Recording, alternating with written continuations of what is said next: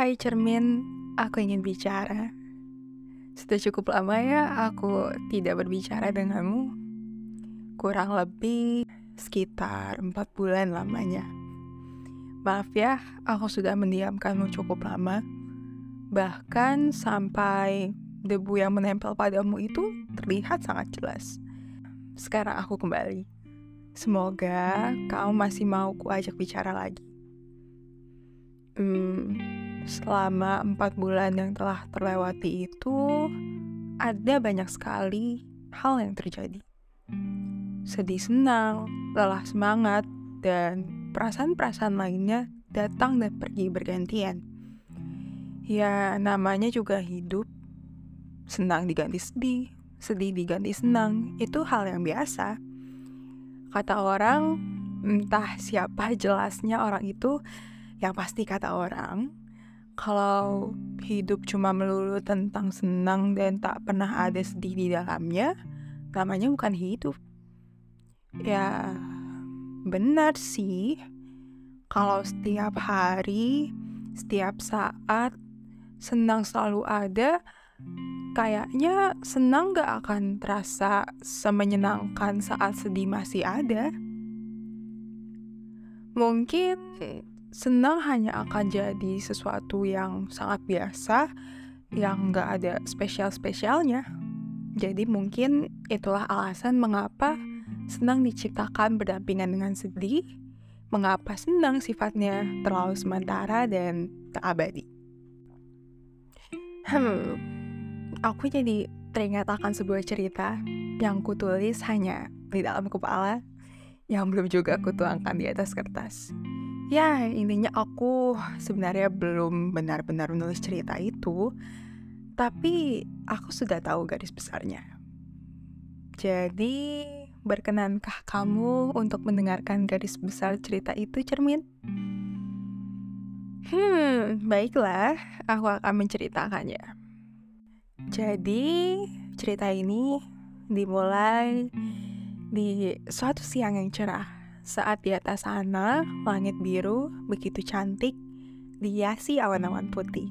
Sedangkan di bawah situ, deburan ombak menggulung-gulung berirama. Keindahan itu disaksikan dengan tenang oleh seorang gadis bergaun kuning yang kini rambutnya tengah ditiup lembut oleh angin. Siapa sangka, di tengah ketenangan dan keindahan itu, seseorang merusaknya. Seseorang itu adalah pencuri. Gadis bergaun kuning sadar bahwa sesuatu dari miliknya telah diambil oleh pencuri bodoh itu. Ya, bagaimana tidak disebut bodoh? Mencuri di atas kapal. Hendak lari ke mana kalau ketahuan? Terjun ke tengah laut. Gadis itu langsung berteriak dan berhasil menarik perhatian sekaligus menyulut amarah orang-orang di sekitar untuk menghakimi si pencuri itu. Dengan waktu yang tidak lama, si pencuri sudah habis babak belur. Jika bukan gadis itu yang menyuruh orang-orang berhenti, mungkin aksi menghakimi akan masih terus berlanjut. Si gadis itu memberhentikan kejadian itu karena dia sadar yang digebuki itu adalah seseorang yang dikenalinya, bahkan sangat dikenalnya. Miris bukan? Gadis itu membawa pergi pencuri itu ke tempat yang lebih tenang dan aman. Tentu untuk dimintainya penjelasan, tanpa peduli dengan luka di wajah pencuri itu. Hening cukup lama. Akhirnya si gadis memutuskan untuk bantu mengobati luka si pencuri itu. Biar bagaimanapun, dia tidak akan tega melihat keadaan si pencuri seperti itu. Biar bagaimanapun, Pencuri itu adalah seseorang yang pernah jadi manusia yang paling berarti bagi gadis itu. Hening perlahan memudar ketika mereka berdua memutuskan mencari udara segar dan melihat keindahan laut yang sangat biru. Percakapan kecil mulai masuk menggantikan entah bagaimana caranya tiba-tiba percakapan antara si gadis dengan pencuri itu membawa mereka berdua untuk kilas balik pada masa lalu masa di mana mereka berdua sama-sama menjadi manusia yang paling senang. Saat itu, seakan dunia mereka berdua berwarna cerah secerah warna kuning. Menyelami masa lalu memang sangat seru, tapi jangan sampai terhanyut terlalu jauh. Jangan seperti gadis itu dan pencuri itu. Ketika langit biru berganti menjadi langit senja yang kuning kemerahan, mereka berdua sama-sama terbawa perasaan. Sama-sama saling mengungkapkan perasaan lama yang masih tersimpan. Sama-sama saling menerima kembali dan berakhir saling memeluk erat seakan pelukan itu tidak akan pernah terlepaskan. Aku harap sekarang juga waktu berhenti agar senang ini selamanya akan abadi. Kalimat yang diucapkan gadis itu seakan jadi mantra. Di saat itu juga, waktu tiba-tiba berhenti.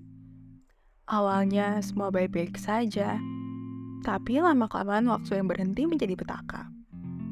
Senja tidak pernah pudar, langit biru tak pernah lagi datang. Penumpang dan nakoda di kapal tidak pernah sampai ke tempat tujuan. Senang bukan lagi senang. Semuanya jadi sengsara hanya karena keegoisan seorang gadis yang menghentikan waktu agar senangnya sendiri abadi. Sudahlah sayang, buatlah waktu kembali berputar seperti semula. Senang tidak akan pernah bisa abadi, karena pada dasarnya warna biru lah yang mendominasi. Antara biru dengan kuning memang harus saling beriringan. Pujuk si pencuri itu kepada gadisnya berusaha membuat waktu dapat berputar kembali. Akhirnya, gadis itu menarik perkataannya dan seketika dunia kembali berputar. Pelukan mereka yang erat itu telah berakhir. Senja telah berubah menjadi langit biru. Nakoda dan seluruh penumpangnya dapat tiba di tempat tujuan. Senang sudah tidak lagi sehambar tadi. Senang sudah kembali menjadi semula. Kisah antara si gadis dengan si pencuri berakhir dengan perpisahan. Mereka saling pergi, meninggalkan satu sama lain sebab mereka punya tujuan mereka masing-masing. Tujuan yang beda dan tidak akan pernah sama meskipun perasaan mereka pernah sama. Meskipun sedang tidak akan pernah abadi, mereka akan membuat abadi pelajaran tentang senang dan keegoisan. Mungkin memang senang tidak diciptakan abadi agar keegoisan manusia dapat diredam. Tamat.